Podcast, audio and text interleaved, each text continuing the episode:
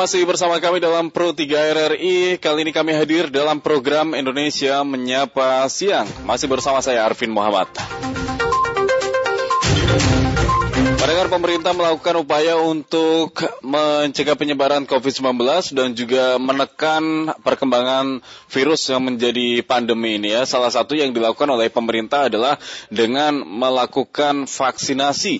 Vaksinasi pun juga gencar dilakukan dengan beberapa target sasaran mulai dari para pelayan publik, kemudian juga uh, untuk lansia, kemudian juga untuk tenaga kependidikan, guru terutama yang nanti memang siap-siap untuk menyelenggarakan pendidikan tatap muka pada bulan Juli mendatang dan juga beberapa sektor lain ini dikebut nampaknya untuk mengejar herd immunity. Tapi tidak sedikit juga uh, karena memang pasca dilakukan vaksinasi ini ada beberapa yang merasakan yang namanya apa ya uh, kipi lah seperti itu ya. Nah, bagaimana ini terkait juga dengan kulit. Bagaimana ini vaksinasi? Apakah kira-kira ada dampaknya ya terhadap kulit? Mungkin Anda sedikit kata-kata dan sebagainya. Gimana nih kira-kira? Nah, terkait dengan hal ini tidak usah khawatir karena kita juga akan memperbincangkannya siang hari ini bersama dengan ya kita sudah tersambung dengan Dr. Dr. Sahnas Nadia Yusar Yahya, spesialis kulit kelamin. Beliau dari Departemen Dermatologi dan juga Venerologi. Selamat siang, Dokter Sanas. Selamat siang Mas Arfi. Bisa ya. kedengaran suara saya? Wah, sangat merdu dok, tidak hanya jelas. Terima kasih. Iya, gimana dok? Sehat ya dok ya? Alhamdulillah sehat. Iya. ya. Alhamdulillah sehat. Dok, ini kan uh, kalau kita berbicara tentang COVID-19 ini kan memang pemerintah lagi mengupayakan sedang mengupayakan upaya vaksinasi agar terkejar uh, herd immunity kekebalan kelompok ataupun juga kekebalan massal gitu ya, Dok ya. ya Tapi betul, ya beberapa kipi mungkin ataupun juga efek samping ringan yang dirasakan oleh mereka yang sudah divaksinasi dari pantauan dokter Sanas efek terhadap kulit seberapa besar dok? Adakah temuan itu juga? Baik, uh, untuk kipi uh, sebetulnya saya hanya punya data untuk di Jakarta ya uh, Mas Arvin ya. Yeah. Tapi untuk Jakarta untuk Jakarta sampai saat ini tidak ada yang melaporkan kipi atau efek samping yang terhadap kulit. Hmm. Walaupun secara teori uh, itu bisa saja terjadi, tapi uh, sampai saat ini tidak ada ya. Mungkin atau saking ringannya bisa juga saking ringannya mereka tidak melaporkan ke uh, hotline kipi uh, yang sudah tercantum di kartu mereka. Hmm. Iya. Oke, baik. Meskipun memang WHO merilis kemungkinan itu terjadi ya dok ya, mulai dari mungkin agak gatal-gatal, kemudian ruam-ruam ya. gitu ya, meskipun tidak begitu parah ataupun juga kulit uh, ya. berwarna agak kemerahan seperti itu. Tapi Betul. kalau vaksinasi mungkin tidak hanya COVID uh, untuk vaksinasi COVID-19 untuk imunisasi yang lain mungkin juga uh, keterkaitan juga antara imunisasi dengan kulit bagaimana dok? Uh, iya bisa aja uh, reaksinya tuh bisa aja reaksi setempat. Jadi kalau untuk uh, imunisasi COVID-19 ini uh -huh. berdasarkan penelitian ya, uh, walaupun tadi saya bilang ini KIPI ini tidak terjadi di Jakarta, tapi berdasarkan uh, penelitian dan laporan dari yang ada di seluruh dunia itu yang paling sering terjadi itu memang hanya uh, apa namanya kemerahan di sekitar uh, tempat suntikan. Nah, kemerahan itu uh, timbul uh, bisa segera tapi bisa juga setelah beberapa hari sehingga disebut sebagai COVID arm ini dari kalau dari di luar negeri ini yang paling sering terjadi ya hmm. yang namanya COVID arm. Jadi pada daerah yang di bekas suntikannya itu timbul uh, kemerahan dan bengkak. Jadi bukan hanya pada titiknya aja tadi yang bisa sampai melebar, hmm. melebar besar banget. Merah. Hmm. Nah, di sekitar suntikan itu uh, itu merupakan apa namanya uh, delayed uh, reaction. Jadi apa namanya uh, lokasi yang uh, lambat dari uh, vaksin tersebut ya. Jadi bukan langsung nggak langsung habis suntik, kemudian timbul uh, bengkak kemerahan. Jadi dia muncul biasanya 2 sampai 7 hari setelah vaksinasi. Nah, itu disebut COVID, COVID arm ini yang lumayan cukup sering terjadi kalau di laporan-laporan di luar ya. Tapi ini juga akan hilang sendiri, jadi enggak, ya, jangan takut ya. Kemudian yang sering terjadi juga adalah uh, urtikaria atau bahasa awamnya itu biduran. Hmm. Nah, biduran ini asalkan hanya biduran biasa, tidak disertai uh, apa namanya angiodem. Angiodem itu pembengkakan pada bibir dan mata dan terjadi lebih dari empat jam setelah divaksinasi itu biasanya juga akan hilang sendiri. Nah, ini kalau kita berbicara biduran sebenarnya kadang-kadang yang merusak atau yang menyebabkan kerusakan dari kulit itu bukan bidurannya ya dok ya. Tapi bagaimana kita memperlakukan biduran. Karena kan kadang-kadang biduran itu kan gatal-gatal kan dok. Betul. akhirnya kita menggaruk ya, gitu kan ya, ataupun ya, juga ya. melakukan kalau saya agak gata-gata dikit itu suka saya panasin dok. Aduh enak-enak gimana gitu kan? Ya itu nggak boleh tuh. Itu nggak boleh. nggak boleh. Kalau ada gatal dipanasin itu enak sebentar. Iya enak, sebentar. habis itu menjadi lebih gatal lagi. Atau digaruk itu juga enak sebentar ya, ya tapi habis itu gatalnya hilang Uh, tinggalnya luka. perih, akhirnya luka ya. kulit ya. gitu kan. Oke, uh, okay. tapi kalau agak melebar nih dok, uh, hal-hal seperti apa sih mungkin kita yang biar bisa lebih mungkin peduli sama kulit kita, kita bisa melihat entah itu karena itu akibat vaksin atau bukan. Ya, ciri-ciri ya, mungkin kulit kita tidak normal itu seperti apa sih? Ya, kalau seperti saya bilang tadi, ya, hmm. jadi yang kita biasa, bisa sebagai kipi pada kulit hmm. itu biasanya tadi ya, COVID arm, kemudian biduran, hmm. kemudian ada yang namanya vaskulitis, hmm. ada lagi yang namanya erythema multiforme, jadi ada ruam-ruam dengan uh, titik, jadi seperti bentuk target gitu ya, hmm. di tengahnya ada titik, kemudian ada yang namanya uh, chilblain uh, light vision, itu bengkak di jempol kaki, ya jempol kakinya itu merah bengkak Nah itu juga biasa terdapat pada uh, apa uh, salah satu kipi untuk uh, vaksin COVID-19 hmm. dan juga bisa tiba-tiba muncul measles like uh, ruam-ruam seperti campak ya. Hmm. Tapi semuanya itu hmm, ya ya jadi kalau tunggu gejala-gejala gitu uh, yang saya sebutkan tadi di atas itu kemungkinan bisa ada hubungannya dengan vaksin. Hmm. Kalau misalkan tapi semuanya itu bisa yeah. uh, biasanya hilang tanpa uh, diobati ya dan munculnya hmm, lebih dari empat jam setelah divaksinasi. Hmm. Ya harus hati-hati, yeah. hati-hati bila bidurannya disertai dengan tadi yang saya bilang angin angin bengkak dan uh, bengkak di mata atau mulut mm-hmm. dan atau mulut itu dan yang terjadi kurang dari empat jam itu harus hati-hati segera itu nggak boleh didiamin nggak bisa tunggu lagi deh ntar mungkin hilang sendiri nggak bisa mm-hmm. kalau munculnya empat jam mm-hmm. setelah vaksinasi harus segera lapor ke uh, nomor KIPI yang tertera di kartu vaksinasinya itu. Hmm. Karena itu uh, apa warning itu sesuatu yang bahaya mungkin perlu lebih tindak lanjut. Tapi sampai sekarang sih di Indonesia ini ya di sepengetahuan saya yang di Jakarta belum yeah. ada ya di laporan KIPI Jakarta sih belum pernah terjadi itu.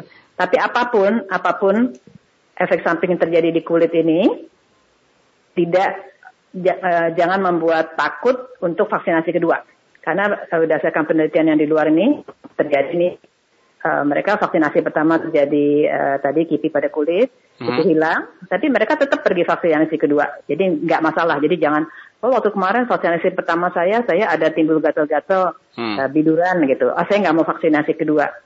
Jangan ya kalau biduran lebih dari 4 jam tanpa angiodim tetap pergi untuk vaksinasi kedua. Lengkapi Apalagi reaksi itu selama masih bisa ditoleransi oleh tubuh ya dok ya, ya dengan betul. beristirahat tidur tadi ya. Tapi bagaimana ketika memang tubuh uh, sudah tidur istirahat itu tidak bisa tertoleransi, uh, kapan saatnya kita untuk mungkin konsultasi ke dokter atau menghubungi uh, untuk menghubungi dokter ya. Iya, nah, dokter betul. Kalau sudah ya pokoknya hmm. kalau sudah tidak bisa tertoleransi misalnya bidurannya tuh mengganggu sekali ya hmm. uh, dan nggak hilang gitu ya. Nah itu segera uh, datang ke dokter. Uh, uh, COVID army tadi yang merah bengkak di tangan itu sampai sakit banget sampai nggak bisa hmm. tidur segera ke dokter. Uh, maksudnya itu obatnya juga uh, ringan sih bisa hilang tapi kalau misal sampai nggak tahan ya, bisa kan sampai apa badannya meriang nggak bisa ngapa-ngapain gitu kan ya pergi aja ke dokter tapi tapi itu bukan sesuatu yang membahayakan gitu. Hmm. Tapi tetap aja pergi ke dokter kan nggak enak ya kalau kita apa namanya tangannya bengkak terus sampai iya. meriang-meriang nggak bisa ngapa-ngapain ya tetap hmm. ke dokter nanti dia akan diberikan uh, obat-obat yang untuk meredakan rasa nyerinya, hmm. untuk uh, dikasih kompres supaya uh, nggak uh, terlalu sakit yeah. di bagian yang bengkaknya gitu. Ya. Paling tidak kita lebih kalau sampai ya yeah. kalau sampai tidak bisa ditoleran, hmm. ditoleransi segera ke dokter. Ya, paling tidak kita lebih tenang lah kalau ke dokter itu entah itu bahaya atau entah itu enggak. Ya. Pokoknya kita sudah mendapatkan informasi yang jelas gitu ya, Betul, dok ya. Iya, iya, dan maka. harus seperti apa gitu. Baik, iya. pendengar, uh, siang hari ini saya sedang berbincang dengan Dokter Dr. Sahnas Anadia Yusar Yahya, spesialis kulit dan kelamin.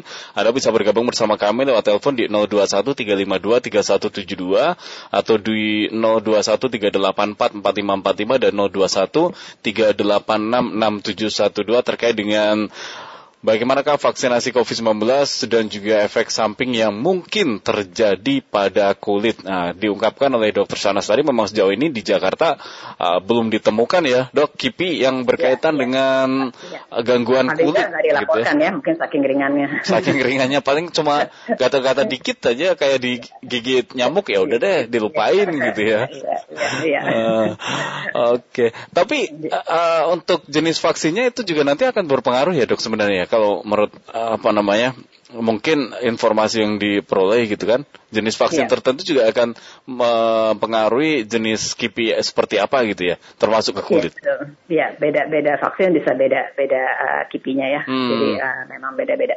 Yeah. Uh, sampai sekarang di Indonesia kan yang sudah uh, kalau yang gratis dari pemerintah itu kan memang Sinovac dan uh, AstraZeneca. AstraZeneca ya. Hmm. Royong yang udah datang Sinopharm hmm. dan Sputnik. Nah Ya, ya jadi untuk keempat uh, vaksin tersebut uh, sepa, sepanjang sampai hari ini uh, di laporan KIPI yang ada, yang terlapor itu belum ada yang ada keluhan kulitnya. Hmm, Oke, okay. baik Bu, ya. uh, dok kita terima penelpon ya, dua penelpon yang ya, sudah gabung ya. di siang hari ini dari Budinda di Bogor. Selamat siang Budinda. Selamat siang Bu Martin. Iya, silakan dengan Dokter Sanas. Selamat siang Dokter Sanas. Selamat siang Bu Dinda. Kabar baik ya dok ya. Halo. Alhamdulillah ya. Baik, ya, gimana tuh? Ada pertanyaan nah, apa? Begini, keluhan kulit. Tapi ini bukan keluhan kulit yang berhubungan dengan vaksin karena saya belum divaksin dok. Hmm. Tapi begini, keluhannya beberapa belak hari belakangan ini saya perhatikan kalau sebelumnya itu kalau saya minum susu, mengkonsumsi susu, mau lihat susu langsung atau dicampur dengan jus begitu di jus begitu itu aman-aman aja tapi belakangan ini kok saya perhatikan setelah minum susu pasti kulit saya gatal-gatal eh, gatalnya tuh nanti pindah-pindah dok nanti di ya di mana aja lah ganti-ganti okay. gitu nanti Baik. begitu digaruk seperti Bung Arvin bilang tadi perih gitu kan nanti baru baru hilang nanti begitu lagi dok hmm. ini kenapa ya dok okay. tanggapannya dok selamat siang Terima kasih. Satu lagi menelpon Pak Udin dari Boyolali. Silakan Pak Udin. Assalamualaikum. Waalaikumsalam. Iya, silakan. Aksen Muhammad habis itu Ibu Dokter Nadia, spesialis uh, kulit dan kelamin. Salam sehat semangat. Uh, untuk uh, ibu-ibu hamil tuh itu kulitnya bisa melar habis itu kalau udah melarikan gitu kulit kulitnya bisa uh, anggaplah kulitnya tuh elastis gitu bisa uh, itu gitu ya teorinya gimana Bu? Demikian terima kasih. Assalamualaikum warahmatullahi wabarakatuh. Baik, terima kasih. Kenapa ibu-ibu kulitnya bisa melar waktu hamil ya? Itu pertanyaan ya dari Pak Udin. Boleh lah dok dijawab secara singkat ya, dari Bu Dinda dan Pak Udin. Ya. Walaupun nggak ada uh, korelasinya ya, nggak ada survei, tapi nggak apa-apa. Ya. Oke, okay. ya, karena mumpung nih kali udah ada dokter spesialis kulit dan kelamin.